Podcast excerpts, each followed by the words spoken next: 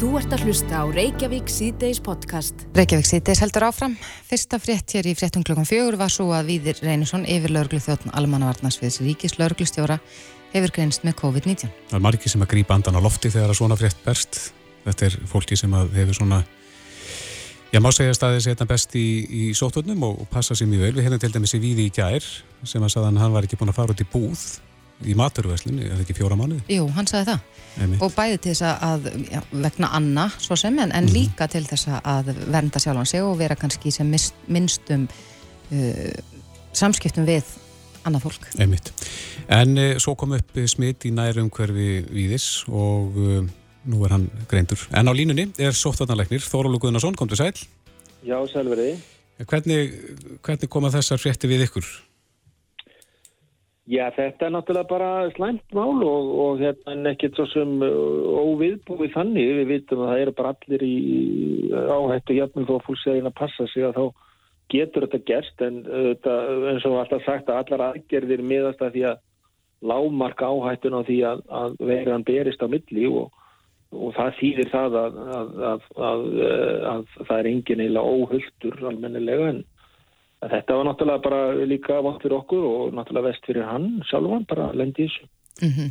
Það segir hér í, í tilkynningu frá almannavörnum að það þykja ekki ástæði til þess að senda hans nánasta samstarfsfólk í sóttkví og, og það hlýtur að eiga við um þá þig og Ölmu Möller landlækni. Hvers vegna er það að, að þið tellið ekki þarf að því? Það er vegna þess að, að við vitum alveg sko, hvar víður var útsettur fyrir smittinu. Það var fyrir utan vinnuna og utan stopnuna og, og hérna og hann fór í próf á mánudagin og var neikvæður þá og, og, og hérna, það var þá sem þessi einstaklingur sem að smitu kom frá var að greinast og var að byrja með einkenni þannig að við vitum að hann var ekki smitandi þá þá hann sé komið veiruna núna reyndar held ég einkenna laus eins og er en þannig að þannig er nú gangurinn í þessu og, og það er þess vegna sem við vitum nákvæmlega hvernig hvenar áhættan er mest á smiti hún er uh, rétt um það, um það byrð þegar fólk er að finna fyrir einkennum eða færa einkenn og það getur tekið upp myndi viku Já, þannig að hann hefur farið í tæka tíð í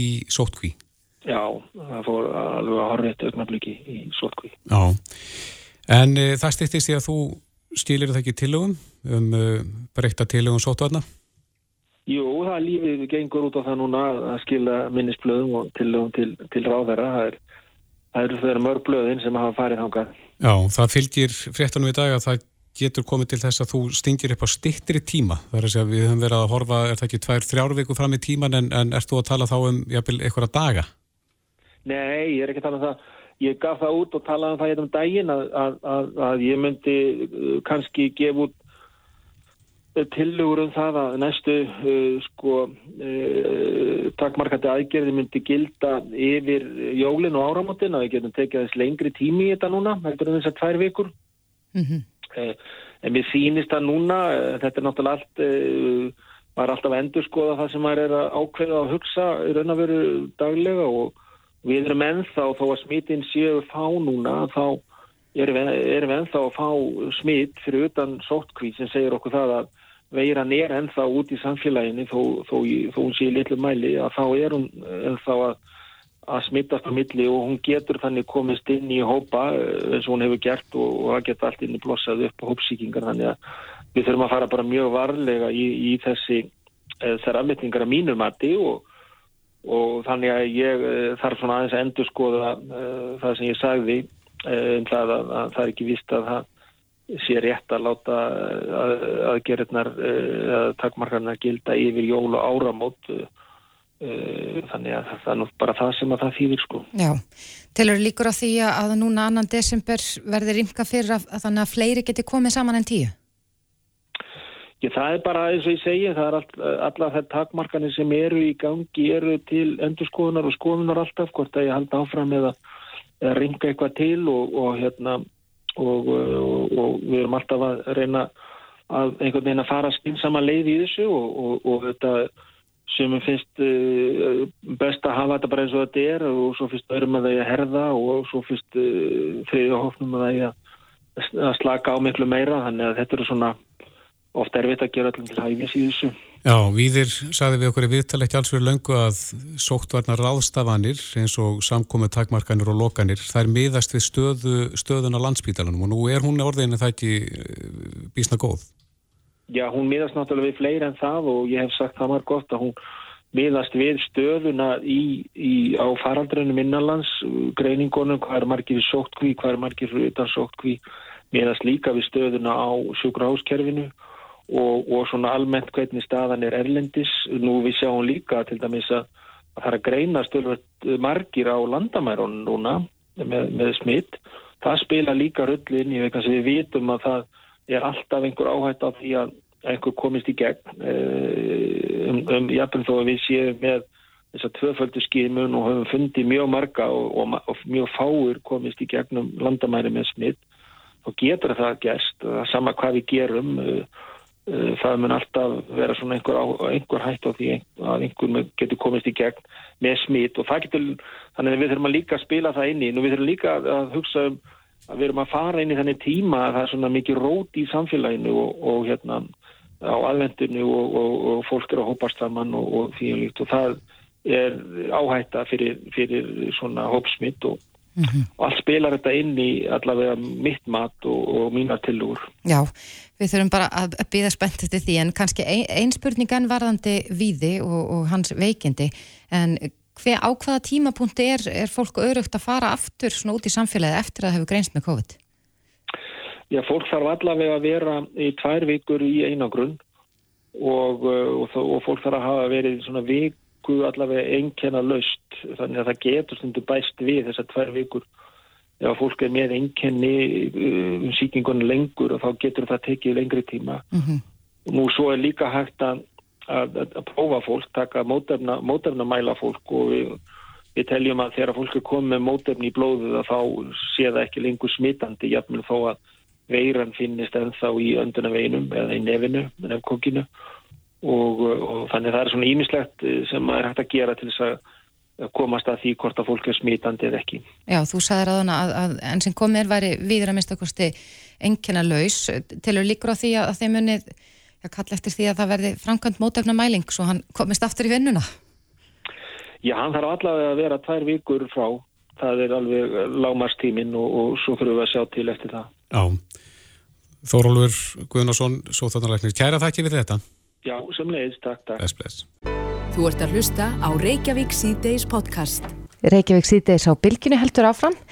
Það er búið að ræða, já, talsvert mikið undarförnu um sko hvort að þessar sóttvarnar aðgerðir og, og, og þessar aðgerðir sem hafa vissulega áhrif á mjög stóran uh, hóp mm. og bara alla, þá má segja það, hvort að það er, já, standist lög og hvort að í kjölfarið að þessu öllu munu mögulega vera einhverjir málvextir að, að fólk muni fara í mál við ríkið eða hvernig það er? Skafabóta mál.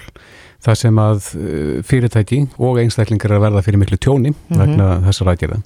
En það var, fundur það ekki, Orator? Jú, þetta var rafrænt málþing Orators sem er uh, félag laganema við Háskóla Íslands Já. en þetta málþing bar yfirskriftina hvort sko, sóttvarnar lög stæðust stjórnarskrá. Já. Og þetta var ansi áhugavert málþing og einn af þeim sem þar töluð var Reymar Pétursson, lagmaður og hann er á linni, kom til sæl Sælveriði Já, þú hefur verið að, að, að líta á þetta og, og kannski reyna að svara þessari spurningu hvort að sóttvarnar lög og, og þar aðgerið sem að, að e, já, búið er að þessar hertu takmarkanur annars líkt hvort að þetta standist stjórnarskrá. Hver er þín skoðan á því?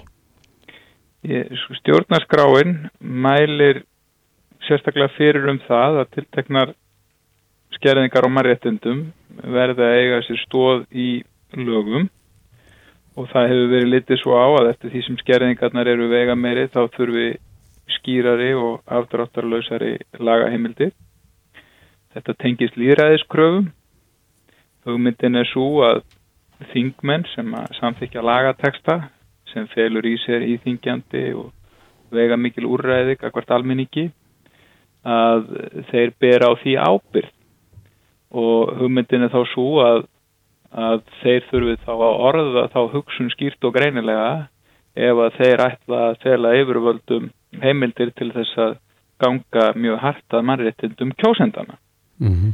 Það er svona grundvallar hugmyndin mm -hmm. og um, þegar að sótvarnalögin eru skoðuð með hliðsjón af öllum þessum mannréttinda ákvæðum og með hliðsjón af textalagana þá er lagatekstin mjög fáorður um það hvaða skerðingar eru heimilar og uh, þess vegna er það þannig að það er eh, svona mörguleiti ímsið þættir í svona sótvarnaraðgerðum sem orka mjög tvímælis. Eins og hvað? Já, það er til dæmis þannig að sóttkví heilbreyðra einstaklinga mm -hmm. er ekki eh, heimiluð samkvæmt lögunum. Það er heimiluð eitthvað sem heitir afkvíun byggðarlaga og ég veit nú ekki hvað ykkur þetta er í hug þegar ykkur talar um ákvíðum beigðarlaga en, en að senda ykkur heim til sín er svona ekki fyrsta sem kemur upp í huga Nei. og um, síðan er það þannig að það er heimilað að framkvæma læknuskoðunum við landamæri þegar menn koma hingað og ég veit ekki hvað ykkur þetta er fyrst í hug þegar að tala um læknuskoðun við landamærin en, en, en fimm daga ferli þar sem að menn sitja í ykkur sóttkví og eru skoðaðir tvívegis er svona allavega ekki það fyrsta sem mér dettur í hug Nei, en, en, þetta er nú svona dæmi já. bara um uh, uh, hvernig menn er að tegja þennan lagatekstar. Mm. En menn telja vantilega reymar að tilgangurinn held í meðalið að það sé verið að venda líf og limi með, með þessu. Stifti það engu máli þegar að, þegar að lögin er annarsögur? Sko, uh, rétturinn til lífs nýtur uh, vendar uh, mannreitnda sáttmála Európa til dæmis en svo vernd getur ekki gengið eitthvað með einn þannig að hún útrými öðrum fyrirmælum sáttmálans eða stjórnarskrár sem að mæla berum orðum fyrir um að það þurfu laga heimildir mm -hmm. til þess að gera þetta og það er til dæmis alltaf eftirtæktavert vegna þess að menn tala alltaf um svo mikla nöðsinn og allt svo leiðis í þessum málum og svona að til dæmis í Danmörku þar sem að menn stóðu frammi fyrir samsvarandi álitamálum dönsku sótvarnalögin eins og þau litu út í byrjun þessa árs voru tiltölulega fámálum ímislegt sem hefur verið í gangi í heiminum í dag mm -hmm. en í mars þá var bara lagt fram frumvarp og þingi um þetta um miða mars og, og, og, og þetta tengum í hug í Danmörku að fara bara einhvern meginn á stað í þessa vekkferð án þess að hafa skýr fyrirmæli um það í lögum. Og, það var dæmis eftir þetta verðt að koma upp eitthvað mál í Danmarku núna um daginn þar sem að eh, landbúnaðar á þeirran hafði fyrirskipað það að minkum, minkastofnunum danska skildi útrýmt. Og eh, það kom í ljós að það var engin heimild í lögum til þess og ég held að dönunum dettunum svo sem ekki í huga að framkvæm eitthvað mikla uh, loftumleika til þess að reyna að finna eitthvað lagateksta því til stuðnings. Nei. en uh, þar var bara einfallega litið svo á að, að, að það væri graf alvarlegt mál. En hér á Íslandi er þetta stundund aldrei þannig að það þykir svona ekki tiltöku máli ef að tilgangurinn er góður að það sé ekki verið að fylgja stjórnarskráni sko. Nei, en eh, nú er verið að endur skoða eitthvað uh, sótvarnalögin um, er, er, heilbreyðisáðanetti búið að draga lappirnar með þetta? Hefði þetta átt að gerast mun fyrr að þínum að því? Já, ég allavega held að þetta sé þannig að ef að menn telja að það sé pólitísk samstaða um það að fara í þessar aðgerðir sem að hefur verið ráðist í að þá hefði náttúrulega bara strax í mars átt að leggja fram frumvarp sem að myndi heimila það. Já, en Reymar, þú, þú ert búin að nefna þarna sótt kvinna og, og lækniskoðan á landamærum en, en svo er verið að loka fyrirtækjum, sömum fyrirtækjum gert að, að loka. Hvaða stöðu sér þau hjá þeim? Ég, það er líka mikið spursmál, það kemur hverki fram í, í, í sótvörnalögum að það sé heimilt að loka fyrirtækjum og það er fullt af fyrirtækjum sem eru með bara alls konar starfsleifi frá hennu ofnbera, hárgræslustofur og fleiri eru með að fá leifi til þess að stunda sína yðin og, og um, það var allmis eitt af því sem var gert í Danmörku að þar voru sett alls konar ákvæði til þess að, til þess að mæla fyrir um það að sótvarnanaðgerði myndu ganga framar atvinnurekstrar heimildum og öðrum heimildum samkvæmt öðrum lögum uh mhm. -huh. Við erum ekki með neitt svoleiðis hér og það er svona einhvern veginn eins og menn séu óskup andvaralösir gagvart því sko. Heldur þú eða telur þú líklegt kannski að já, bæði rekstra aðeilar og einstaklingar muni hafða mál gegn ríkinu vegna þessar aðgerða? svona í framhaldinu af, af þessum faraldri? Það er nú erfitt að segja, það er náttúrulega ákvörðunum málsöðunni, flókin ákvörðun og margt sem kemur til skoðunar og því fylgir kostnaður og síðan geta verið alls konar vantkvæði sem því tengjast. Það sér þið fyrir þér að, að yfirvöld séu skadabóta stilt, hvað hvert þessum fyrirtæki sem að verða fyrir tjóni vegna lokana? Já, ég, ég hef fyrst og fremst bara hort á lögmætið vegna sem ég finnst uh, það vera kannski svona líðræðislega séð mikilvægast þátturinn að, að það séu okkar líðræðislega kjörnum fulltrúar sem séu að veita heimildir til þessar aðgerða og þurfi þá líka að bera ábyrð á þeim. Mér finnst, svona, mér finnst svona spurningar um skadabótaskild og eitthvað er eitthvað sem ég hef ekki kannaði í þaula sko. Nei, en talandi um, um þetta sko, þú talar um, um þjóðkjörna fulltrúa Nú mm -hmm. hefur þingið, já, einhverjir allavega í stjórnarandstöðu verið ítrekkað að benda á það að þessar ákvarðanur allar teknar í ríkistjórn en ekki á þinginu. Já, það er enda sko þannig að þessar ákvarðanur eru teknar af heilbreyðisra á þeirra. Mm -hmm. það, það er heilbreyðisra á þeirra sem, sem, sem tekur þessar ákvarðanir og það er að vísu þannig að honum er skilt að bera þær upp í ríkistjórn og til kynningar allavega en ég er ekki vissum að já, ég, það, það er allavega þannig að sko stjórnskipulega er ábyrðin hans. Mm -hmm. Já, þetta er forvitnilegt og, og það verður bara komið ljós hvað verður eftir að þessu líkur en Reymar Pétursson, lögumöður, kærar þakki fyrir þetta. Takk fyrir það. Hlustaðu hvena sem er á Reykjavík C-Days podcast. Já, vissulega eru orkumál á döfinni heldur betur hvert sem litið er á sjó, á landi og í, og í lofti og maður að, að huga því sem að kannski hefur minnst og sjálfnast verið rættum og enn þegar við hugsaum til okkar eilhýra lands að þá, þá eh, og við þeim derða að þá væri nú ansi gott að, að orku skiptin sem er að eiga sér stað í heiminn næðu til flugsins. Hvað segir varaformaða samgöngunemdar við því Jón Gunnarsson? Þú þekkir nú til ímsa hluta í samgöngumálum. Já, við erum núna samgöngunemnd, eh, þverjapolítist, fulltrúar allra flokka, búin að leggja fram þingsálutuna til þú, þar sem við leggjum það til að samgöngur á þeirra hlutist til um að við verðum alveg þáttakendur í orkuskiptum við flugi. Þetta er nær okkur heldur en kannski margir gera sig grein fyrir. Eh, fyrstu vélarnar sem að ganga fyrir hreinir á orku er að, eh, já, eru þegar komnar í pröfuflug, farnar í pröfuflug og það er áallega 22 muni koma vélar á markaðin sem að geta nýst til að mynda sem kennsluvélar og svona minni flugvélar, enga vélar 25-6 að þá áallar framleiðendur að þeir verði konu með fyrstu 19 sæta flugvélarnar sem eru nú bara sambarilega við sumar af þeim vélum sem við nótum hér innanlandsflugi Svíjar hafa til að mynda sett sem markmiðum það að nota slíkar vélar innanlandsflugi hjá sér.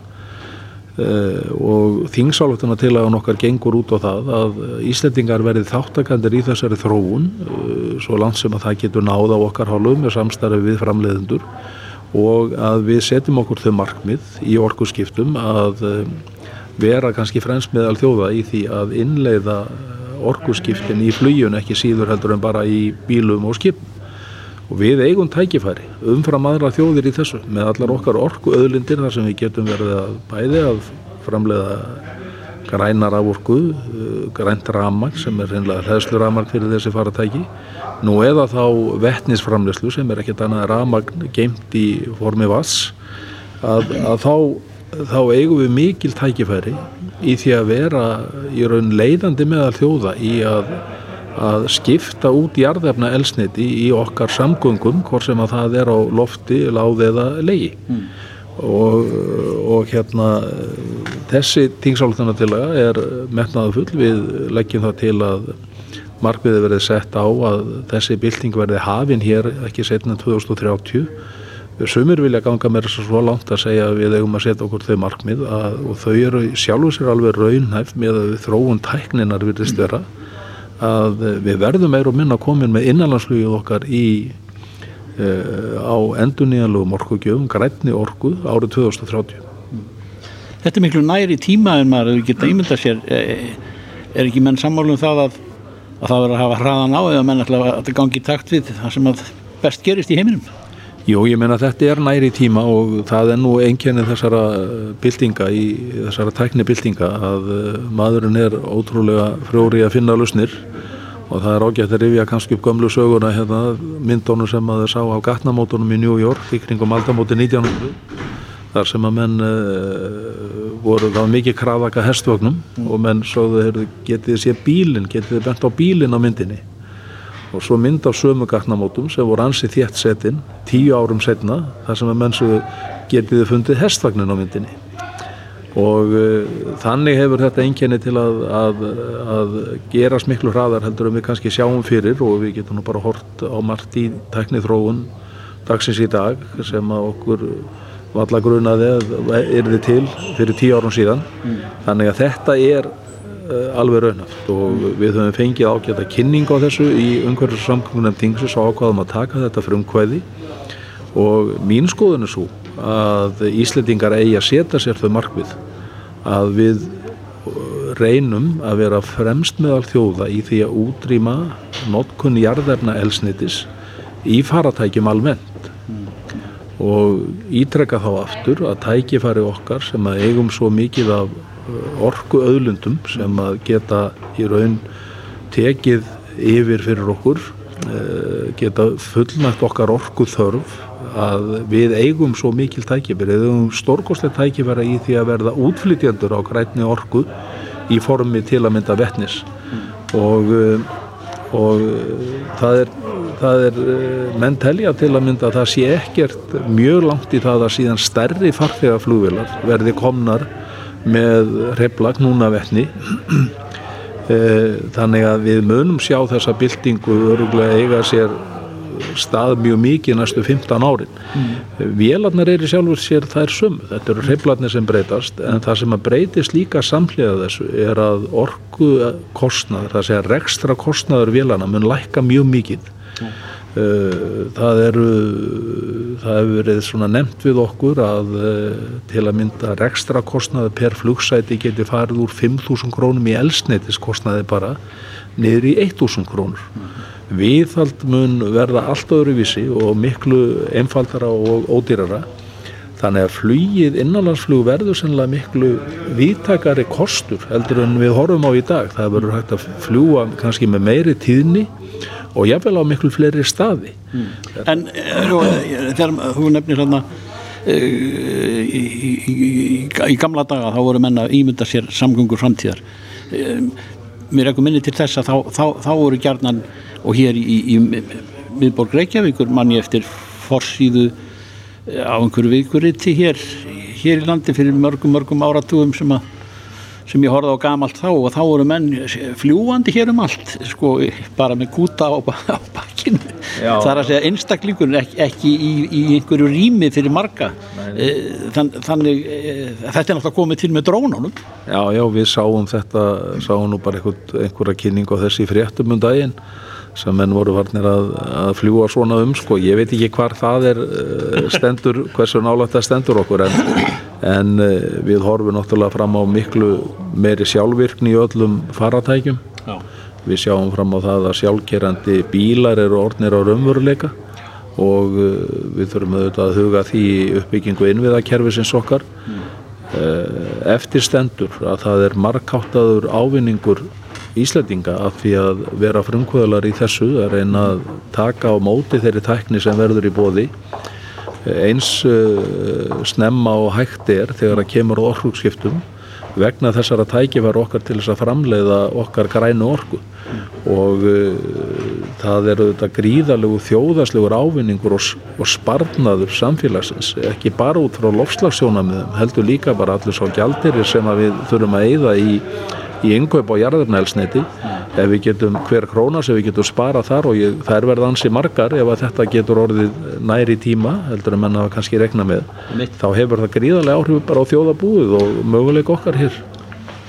Jón Gunnarsson var formaður samgungunemdar e, e, þetta sem voru fjarlagi draumar í gæri eru, eru standamannu miklu nænuna ég vona að þetta, þessi plön gangi all eftir. Við þekkjum nú þetta Þorgir minn og komnir á kom, munum tíman að tenna Takk fyrir Takk Reykjavík síðdeis á bylginni Reykjavík síðdeis, við ætlum aðeins að taka stöðun á uh, landelgisgæslumálum en uh, flugverkjar eru í verkvalli þar og síðast ef við heyrðum í fórstjóran, Georgi Lárusinni, þá var staðan alvarleg. Já, og verkvalli hefur staðið yfir frá 15. november Já. en uh, mér skilst að sé fundur í gangi núna vegna þess að allavega hann hófst fyrir í dag og átt að vera uh, til hálf 6 held ég alveg örglega að hafa lesið.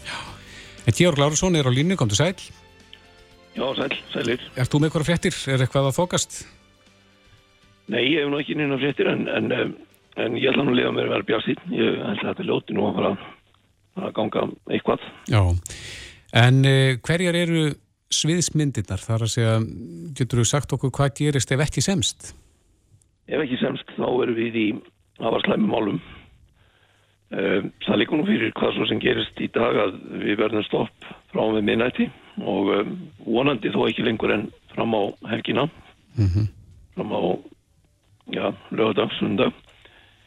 En, en af, af hverju er það fyrir ekki sama, sama hvort það semst eða ekki, af hverju verð kemur þetta stopp? Það er uh, svo kvöldur dagsetningarskoðun, kalandiskoðun á, á þessar einu vél sem við geta haldið úti Mm og uh, hún verður ekkit umflóin og uh, tekur ákveðin tíma. Uh, spurningin er raun bara hvort við fáum næga mannafla til þess að klára þetta á tveimtugum eða hvort við verðum lengur vegna mannaskorts. En, en þetta er í sjálf og sér um, lítið mál með það sem er í vandum ef verkvall leysist ekki. Hvað Eh, er þá í vændum? Já, þá er alls er að eh, ekki setna en 12. desember. Þá munum við ekki lengur geta haldið út í, haldið út í neittni þeyslu. um, og um, það sem að bætið svo við er að, að viðhaldstörfin, hún, hún samlast upp og öll planlækning, öll skipulækning á viðhaldi um, er eh, stopp. Þannig að skoðanir sem eiga að vera á næstu vikum og, og meira sér mánuðum, þær munu dragast. Það er ekki búið að gera þær ráðstafunum sem þarf að gera eins og að panta í hluti eða, eða planleggja hvernig skuli unnið e, vegna verkvælsins. Þannig að, þannig að desembermánuður verður mjög slæmur og, og það sem mun gæta alveg fram í februar. Í rauninni þó að verkvælsins daga þá, þá munum við vera að súpa segið af þessum aðgerðum alveg fram í februar.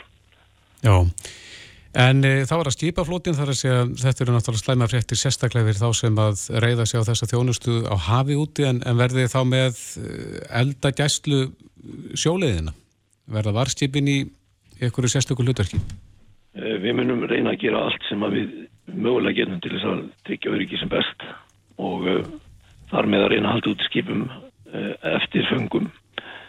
En, en það er í sér ekki, ekki um uh, marga kosti að ræða. Við erum einungis með tvö tiltæk skip eins og ástendur en uh, munum að sjálfsögur reyna að gera það sem við getum. En eh, eins og segi, ég er nú bjart á, á þessa fundi sem að standa yfir núna og, og vona að við fáum okkar ágæta fólk aftur. Er svo sannlega þarf að þeim. dómsmálar á þeirra sagði að það væri ekki útilokað að settirðu lög á, á flugverkja landhelgiskessluna til þess að tryggja já, almanna hagsmunni. Um, hefur þú fengið eitthvað veður af, af, af því að, að það sé til skoðunar? Nei, ég hef nú ekki fengið neitt viður af því annað en bara það sem að hefur hérst í fjölmjörnum. Um, en um, við vonum nú bara að, að það semjist, þannig að ekki þurfa að bípa til neitt allt líkra ráðstafana. Mm En er þið með eitthvað aðra svona á kantinum, uh, danska, dansku gæsluna eða er eitthvað sem að geta komið til aðstóðar? Nei, sko, við erum ekki með neitt á kantinum og um, svona tæki liggja bara alls ekki á lausum. Uh, þessar uh, stóru björgunarþýllur eru bara sérsmíðar og handsmíðar fyrir hvern og einn. Og ekki keftar svona til þess að, að vera einhvers þeirri geimslu þannig að það er í raun ekkert á lausu í heiminum neitt á tækjum sem ættir að grípa til. En við erum eins og með gagvaman góðan samstafsamning við, við herstjórnina Dörsku herstjórnina á Grænlandi. Arctic Commando heiti það og uh, höfum aðstofað annan eins og kostur er þegar þörf gerist. En uh, þeir eru að sjálfsögðu upptekni við sín mál. Þeir hafa ákveðna skildur á Grænlandi og uh, þá aðeins á Vesturgrænlandi þannig að þeir eru ekki neinstað nálat núna. Nei, en ef upp kæmi neyðaratvik hér þar sem að ekki væri hægt að að leysa það með öðrum, öðrum leiðum en, en með flugi, þyrluflugi, væri þá hægt að leita til þeirra og, og, og myndu þau gera það?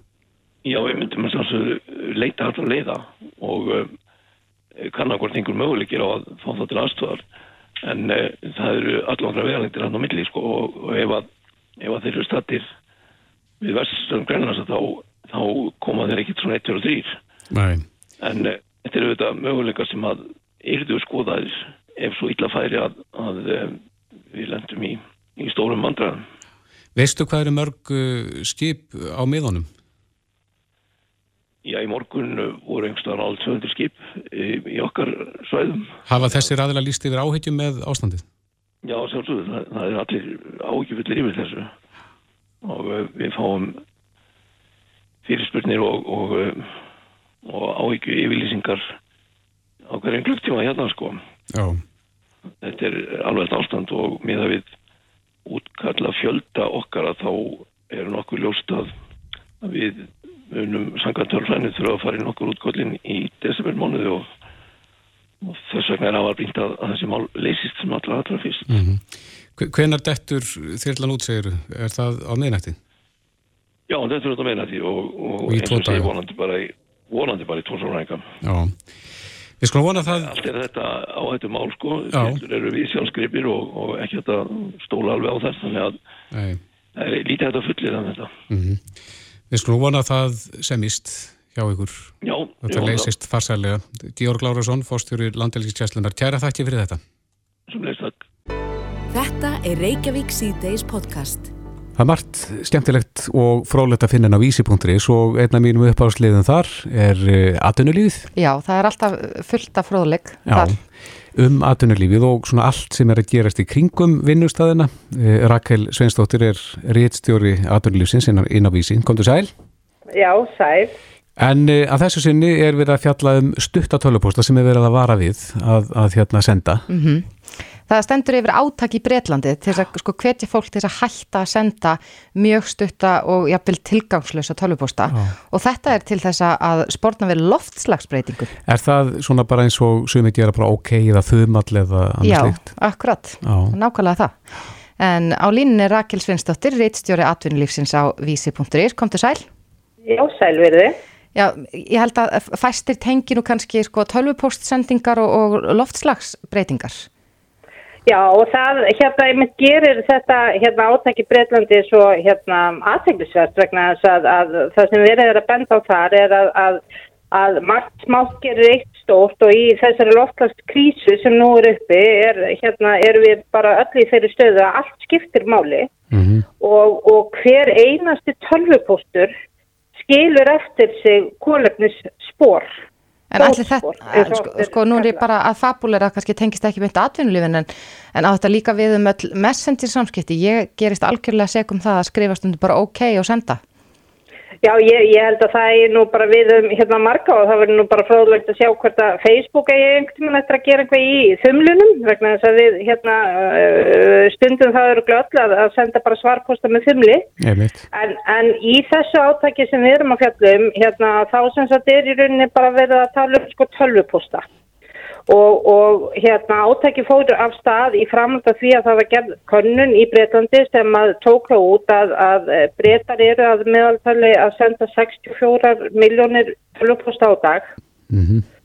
og síðan var það reiknaðu út að, að ef að hver og einn notandi myndi fælka tölvupostendingum um einn tölvupost á dag að þá í rauninni gætu sparast 16,4 tonn í kólöfnisframlöslu á ári. Já og hérna og, og í framhald af því var farið í áttak sem heitir í rauninni bara think before you think eða, eða hugsaðaðins áður og þakka fyrir sem er tilvísin í áttakið um að þegar við erum að senda stuttatölvupósta þá er þetta oftast svona þakkarpóstur, þakkartölvupóstar, þú veist bara takk eða kæra þakkir eða frábært eða bróskarl eða móttekið, þú veist, e, e, einhvað mjög stutt. Mm -hmm. Og hérna og uh, sagt uh, það, það er mitt að, að hérna sleppa þessum tölvupóstum að því við höldum náttúrulega áfram að, að uh, senda og, og, og hafa samskiptið okkar í milli með tölvupóstum, Þa, það er í rauninni góði lagi. En átæki gengur í rauninni út af það sem flestir af þessum notendum í Breitlandi hætti að senda þessa örstuttu hverju tölvupósta og, og séu þar með að taka þátt í að spórna við loftvægt breytingum. En má heimfært yfir á Ísland? Nú erum við með þessar hreinu orku hér á meðan að þeir eru kannski að senda ykkur að tjarnorku tölvupósta og slíkt.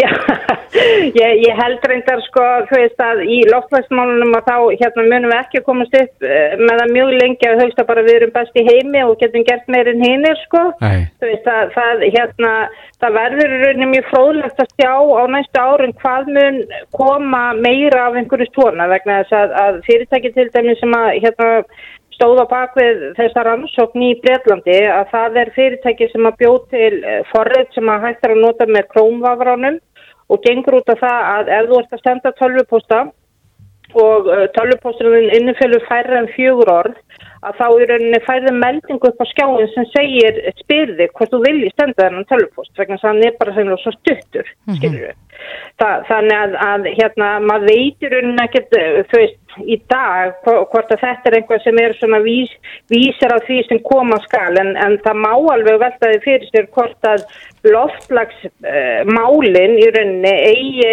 á næstu árum eftir að koma inn á fleiri svona daglega litla hluti sem við erum kannski vun og hugsaum ekkert um mm -hmm. veist, og, og munu þar að leiðandi sko breyta einhverjum vennjum hjá okkur eins og ég menna þú veist ég ekki þetta alveg þú veist að auðvitað hérna er maður almennilegur og það er einhver sem sendir mann tölvupúst og maður sendir tilbaka kæra takkir að takka og góða helgi að sömu leiðist, maður er bara almennilegur Akkurat. Og en, ekkert að pæli í loflagsmálunum Nei en Rakel hefur það eitthvað verið sko núna vitum við það að sko á mörgum sviðum atvinnlýsins er fólk að vinna heima og tímsfundum alla daga eh, en það hlýtur að vera að, að tölvupúst samskipti hafi aukist í, á þessu ári Hef, veistu hvort að það hafi eitthvað verið skoðað, hvort við séum kannski senda miklu fleiri tölvupósta en við gerðum á síðast ári? Ég, sko ég hef reyndar að þetta er hérna áhugaverð spurning, ég hef allavega hverkið ekki stað og hverkið hér eða hérna Erlendis að, að það sé búið að gera hérna einhverju veist, fjárvinnan er allstar svona meira í þeirru umræðu að, að hérna að það sé að koma nýjir tímar á vinnumarkaði, þú veist, bara meira hérna í formi þess að, að nú til dæmis verið að ráða fólk og fólk er vel ráðið sko í atunviðtali á fjarfundi og byrjar starfið í fjarvinnu, skiluru, uh -huh. og í ráðningasamninga, bæði ráðningasamningar eh, hérna, sem eru til staðar og sömulegis ráðningasamningar sem að, hérna, er verið að, að, að ganga í núna, þar eru svona fyrstu vísarar komnir af samningum um fjarvinnu.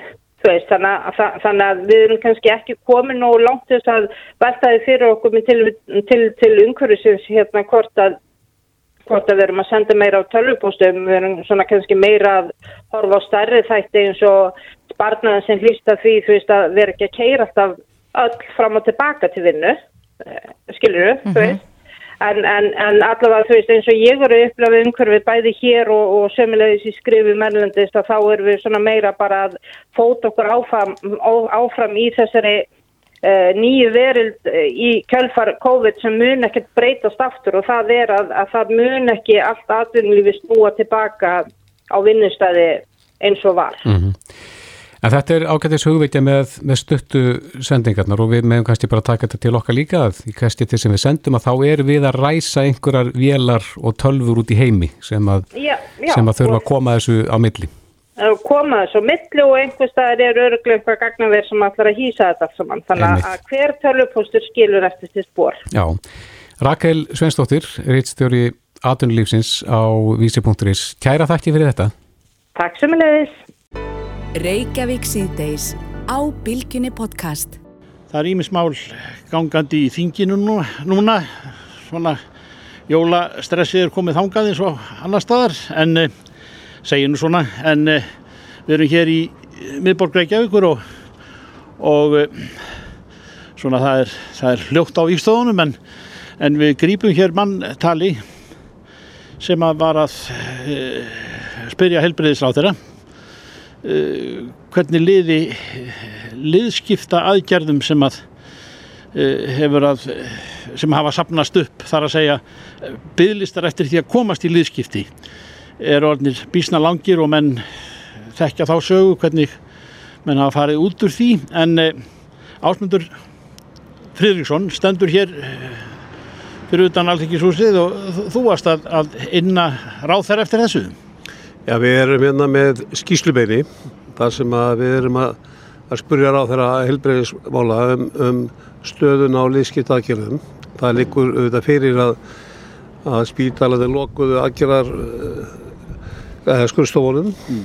og það voru auðvitað komni bílist að vera lungu síðan og ég er nú búin að vera á þingi síðan 2013 og búin að vera ég nánast allan tíman að velferðarnemnd og fylgist nokkuð vel með þessu málum og þrátt fyrir að á þessum sjö árum þá hafi verið gerð sérstök átök til dæmis bara í fjárlögum um að styrta bygglista að þá af ymsum ástæðum sem ég náttúrulega er að, að spurja um í þessari skýslu beðinni þá hefur okkur ekki gengið að, að styrta bygglistana. Það er auðvitað fólkir fyrir því nokkrar ástæður.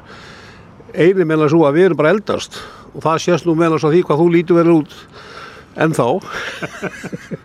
Og við Íslendingar við, við lítum vel út og, og erum hraustur og sterkir en liðinni gefa sig og, og það er alltaf fleiri og fleiri sem að þurfa að lendi því að þurfa að býða til liðskiptaðgerð og það er, það er, það er ömuleg byggð það kostar sljóðhulegi allt og mikið. Og ég vil og hef náttúrulega alltaf viljað það sem ég margir aðrir að við nýtum all þau tækifæri sem við getum til þess að styrta þessa bygglista Við höfum hérna tækið til þess og ég veit að ráðherrin er velviljar því og er með hugmyndur um að koma upp hérna svona sérstaklega aðstöðu på aðgræninsi í þessu tilhefni en það er auðvitað svolítið byggð í það. það. Það getur tekið 2-3 ára að koma því á stað og við höfum auðvitað ekki tíma til þess að þetta í því. Mm. Og þessun er bara mjög mikilvægt að við notum þá aðstöðu sem til í landinu mm. til þess að gera þessi flestar aðgerðir Þegar þess að ég er alveg samfærður um það, þingið er tilbúið til þess að leggja sérstaklega pening í það að, að, að fjölga aðgerðastöðum og, og við höfum auðvitað oft minnst á, á, á, í því samandi á enga aðila í klínikinni sem eru tilbúinir að, að sinna þessu verkefni með okkur og, og kostnæðurinn er bara alveg sambarlegur og það kostar á landsbytarunum. Mm. Þannig að þetta er auðvitað bara mál sem er í dauða að færa að klára. Mm en eh, ásí, það, það eru sko eh, áradaga síðan maður, maður heyrði af þessum andkvæðum eins og þú ert að segja okkur líka. E, eigum við ekki rétt á þessu? Þeir sem að býða eftir því að komast í líðskipta aðgjörð hvernig svo sem að hún er eigum við ekki sko bara samkvæmt sjúklingalögum ef að þau eru til sig eigum við ekki bara rétt á þessu? Já, sjúklingar eiga auðvitað mikið rétt. Það er alveg hárið þær og, og það er tekið á því að, að svona hámars eðlilegu byggtími geti verið eitthvað 90 dagar svona um það byrjum þrýri mánuðir mm. og þess vegna getum við núna ég og þú eftir 90 daga bygg óskað eftir því að fara ellendis í aðgerð mm. og sem hefur auðvitað í formið sem mjög mikið auka kostnað fyrir ríkið, ekki aðeins bara þurfum að borga aðgerina þar á enga sjúkrási mm. heldur þurfum við að fljúa út og með fylgdamann og búa hótelum og þetta allt saman sem er og mikil óþægjandi mm -hmm. þannig að það er bara mjög brínt sko, ekki, ekki ekki bara ekki bara fyrir, fyrir okkur sem slíka heldur bara fyrir þetta samfélag að allt þetta fólk sem býður núna eftir aðgerð án vinnujabel líður mjög illa það er bara þjóðhagslega mjög kostnæðasamt og þess vegna er það bara þjóðhagslega mjög hagkvæmt að, að fara í þessu aðgerir og koma þessu fólki aftur út af vinnumarkaðin vegna þess að eftir því sem býður lengur og lengur eftir aðgerð að þá kannski bara áttu erfiðra með að komast inn á vinnumarkaðin tilbaka. Þannig að þetta, þetta er í öllu falli sko, peningum í þessa aðgerðir og þessa bygglista er afar velvarið mm. Getur þú sagt mér svona undir lók þessa spjall, hvað hva, hva eru margir sem er, er í byrjinni þörf? Hva, hvað eru listarnir langir og hvað telja þeir marga einstaklinga? Já því mér þá telja þeir auðvitað hundruð einstaklinga í, í, í liðskipta aðgerðir og, og, og, og svo auðvitað er að annars konar aðgerðir líka, augn aðgerðir og annars líkt sem að, hérna, eru líka bygglistar mm. þannig að hérna, við þurfum auðvitað bara við í þinginu og við þurfum að hérna, stiðja ráðhærinni því að, að leggja mjög mikið kraft í það að, að styrta bílistana. Það er viljið til þess og nú þurfum við að sína hann í verki. Farðu skýslu frá heilbyrðisátra? Já, hún kemur bara mjög hlutlega. Ég öðru hvora með, með áramótin. Er það ekki gott? Það er bara frábært og ég held að hérna, það sé tækifæri fyrir okkur og hann að gefa þjóðinni góða jólagjöf með því að styrta bílistana. Kæra þakkir. Thank you, bóði. Reykjavík síðdeis á Bilginni podcast. Reykjavík síðdeis í gær heyrðu við í borgastjóranum í Reykjavík, degi mm -hmm. Eitjartsinni, en uh, til umræðu var uh, Reykjavíkur flugvöldur og þessi þingsáleiktuna til að reyndar, það sem að er farið fram á það að þjóðin hafi eitthvað um það að segja hvar þessi flugvöldur er. Já, borgin hefur nú mótmælt þessari þjóðratkvæða greiðslu mm -hmm. En uh, allavega með að við svona uh, þessa viðhorskonu sem við gerum þá verðist vera mikil stuðningur út í samfélaginu fyrir því að, að þjóðin fái að hafa eitthvað um það að segja hva, hvað verður um flugvöldin. Einmitt. Og þegar að tali besta flugvöldinum að þá náttúrulega skýtur alltaf kollinum umræða um sjúkraflug mm -hmm. og nöðsinn þess að hafa flugvöldin í námönda við þjóðaspítalan. Eh, Dagur B. sagði þetta hér meðal annars í, í gær. Núna er til dæmis bara ein vél og hefur lengi verið í sjúkraflugi og ef þú þarfst að vera með tvær vél á lofti að þá getur tekið marga klukkutíma að útvega og manna varavél. Mm -hmm. Þannig að það, það er bara mjög margt í þessu annað en nákvæmlega lendingastöðurinn en, en þeir sem hafa skoðað fljóðallamálinn hafa alltaf gætt þess að, að þau verði útferði liðin. Þetta saði Dagur B. í gær og okkur stilst að mýflugsmenn sem að eru með samning við ríkið um sjúkraflug síðan og gjaldskosta sátti við þessa stílgrinningu borgarstjórnans. Á línunni er Leifur Hallgrímsson, frangværtastjóri mýflugs, kontur sæl. Það sáður.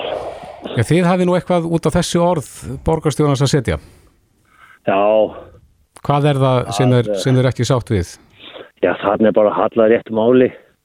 Ég veit ekki hvort að borgarstjórnum gerir það viljandi eða, eða óviljandi. Ég ætla ekki að dæmi það. En... Er það, er það þess orðans að það sé bara einn sjúkraflugul til tags? Já, já. Við erum nánast búin að hafa allt þetta ár þrjár sjúkrafílar til tags. Mm -hmm. Seldum eina núna á dögunum og frá árinu 2016 þá erum við búin í mars 2016 búin að vera með tvær sjúkrafílar ætti til tags nema þegar að önnur hefur þurft að fara í skoðun og skoðun er að taka svona þrjá dag eitthvað svo leiðis mm -hmm. er, er það þín skoðun að, að já, það sé mikilvægt að flugvöllurinn sé í námynda við spítaland akkurat út af þessu til þess að sjúkraflug geti gengið rætt og öruglega fyrir sig? Já, það er eins og borgarstjóðin sagði ekki að heldal flutningstíminn skiptir mjög miklu máli og þá skiptir það mjög miklu máli hvort að flugvöllurinn er í næsta nákvæmni við spítalan eða hvort að flugvöllurinn er, er 20 km frá, frá spítalan. Það mm. skiptir mjög miklu máli. Ég hef lengt með sjúkling á Reykjavík flugvölli og læknarnir sóðu að hann ætti 20 mínútur og lifa. Það var, var ósæðuról.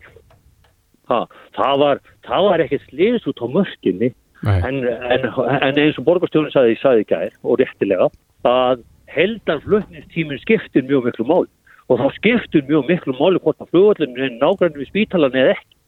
Þannig er það. Þetta veit, þetta veit borgarstjónin vel. Leifur, við skulum aðeins heyra í borgarstjórnum það sem að kemur inn á þetta í þættinum í gerð. Þessi sjúkraflugsrök hafa verið nótu soldið e, bratt að mínu mati með að við gogum álsins í, í raun í því skenarinn að halda e, flugveldunum í Vasmírinni en, en mér finnst þurfa nálgast það mál út frá hagsmunum e, veiksfólks mm. og, og veiksfólks sem þarf að komast undir leknisendur en það er það svolítið merkilegt að það er svolítið sami hópurinn sem er að berjast fyrir því að landsbyttalinn sé ekki við hringbröð og að flugveldunum sé í Vasmírinni. Já, þetta sagði borgarstjónu við okkur í gær. Leifur, hvað segir við þessum orðum? Já, sko, ég... Uh, ef borgarstjórun er þeirra skoðunar að við sem ennþá búum út á landsbygðinu eigum að hafa aðgengi að spítalunum sem við verðum að byggja í Vasmírinni, nýja spítalunum, þá hlýtur hann að vera þeirra skoðunar flugvöldurinn eða verða það náttúrulega. Það er bara þannig. Annars, annars bara höfum við ekki aðgengi að þessu spítalunum. Annars er þessi spítali bara fyrir þann hluta sjóðurnar sem býr á Suðusturhótt. Það er bara þannig. Já, þannig að ef að, að flugvöldurinn er þið settur í kvassarhaun eins og, eins og hefur verið rættum og við rættum nú við dag hérna í gær, heldur að það væri, uh, já, myndi koma niður á ykkur sem eru ekki á höfbrukarsvæðinu? Það lengir fluttistíman. Mm -hmm. Held, held að fluttistíman. Það gerir það. Ég veit ekki hvort að það kemur, kemur myndi koma niður á, á sjúkvæmsflutningum en, en, en, en það, það, það, það er einhver blöðum það að fletta að það lengir held að fluttistíman. Mm -hmm. Þeir eru með samning við ríkið um, um sjúkraflug. Hversu algengt er þetta? Getur þú sett þetta í eitthvað samengi fyrir okkur? Hversu oft, er, eru, slík, hversu oft eru slík sjúkraflug framkvæmt? Ég er ekki með tölfræði á takteinum til að geta farið með hana. En, uh, uh, en heldur þetta sé algengar en fólk grunar? Uh, já, ég held það. Að þetta sé algengara. Svona svona tilvik eins og ég var að lýsa hérna á þau koma ekki í fjölmunum, þau koma ekki fréttum þetta eru veikind en ekki slis sko, skiljið og uh, þetta er þetta er algengara heldur en heldur en, en fólk heldur sko. undanfærin ár höfum við verið að fljúa, við, við verið að fljúa undanfærin ár 800 sjúkraflug á hverju ári? Já, á hverju ári Já mm. Uh, neyðarástand sem að geta nú myndast að því að nú er búið að loka einni brautinu þarna á, á Rækjagulhulli hefur það komið niður á ykkur? Já, það hefur, ja, það hefur ekki komið niður á okkur. Það, ég minnir að það verið í fyrravettur sem að við beðum eða sjú, sjúkráðs og akkurýri beð með sjúkling í, uh, á annan sólarhing sem að þurfti að komast á spítala í Reykjavík. Það varð fæst að lenda við, við gátum lend í Keflavík og við buðum læknunum upp á það að, að fara með sjúklingin til, til Keflavík og þeir höfnuðu því. Þess að flutnistímin er of langur frá Keflavík til, til Reykjavík. Við treystum sjúklingum ekki í það. Hann er betur settur á gjörgjæslu á spítalanum hér á Akkurinn. Mm -hmm. og þetta var, þetta var vegna þess að það var, var, var söðvestanátt, það var útsýningur og það var ekki hægt að lenda á á norður-söðubrautinni en það hefði verið hægt að lenda á, á, á neyðarbrautinni sem, sem á Dagur Bjækjarsson tók þátt í að loka og, og, ber, og ber manna mest ábyrða á því að þeir í brautum að loka. Já, en já, nú gerðu þið nú líka einhverja rástafanir í tengslum við þennan faraldur sem nú geysar og, og hafi verið með einhvers konar COVID-sjúgraflug ekki satt. Er, er það algengt að, að þið sinnist líkum flugum? Það var svolítið um það hérna í mars og, og april við vorum í nokkurum flutningum en þeir núna í þessari bylgu sem er vonandi að segja við sem við erum að sjá fyrir endan og núna hefur verið hverfandi að þessum flug. Já, það sem að lækningin er orðin kannski mun betri. Já, ég veit ekki hvaða ástæður líka að baki því en, en, en þau, þau hafa verið miklu fátíð núna í þessari bylgu heldur en voru þarna í, í, í fyrstu bylgunni. Sko. Já, akkurat. Já, við heyrum það, þú ert ósáttu við þessi orð borgarstjónas í gær um, um sjúkraflugið. Já, ég var mjög ósáttur við þau, Já. mjög ósáttur. Le Leifur Hallgrímsson, frangværtastjóri Míflugs, kæra þakki fyrir þetta. Takk fyrir mig bless. Bless. Þetta er Reykjavík C-Days podcast. Jæja, Reykjavík C-Days á bylginu heldur áfram. Það var þennan dag 1960 sem að Mírabal sýsturnar í Dóminíska lífveldinu voru myrtar af útsendurum einræðisherrans Rafael Leonidas e, Trujillo mm -hmm.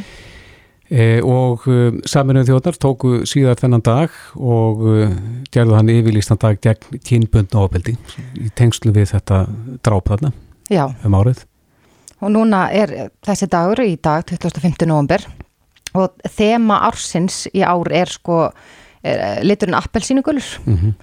og uh, það verður engin ljósaganga, ég held að margir þekki ljósagönguna en kannski uh, tengi ekki endilega við þetta en, en ljósagangan er alltaf haldin á þessum degi Já. en það vegna COVID mm -hmm. eins og svo margt annað þá fellur hún niður Já, en það var einmitt þennan dag 1999 sem að saminuðu þjóðnar eða alls er að þingið ákvaða þessi dagu skildi bundið með þetta. Akkurat.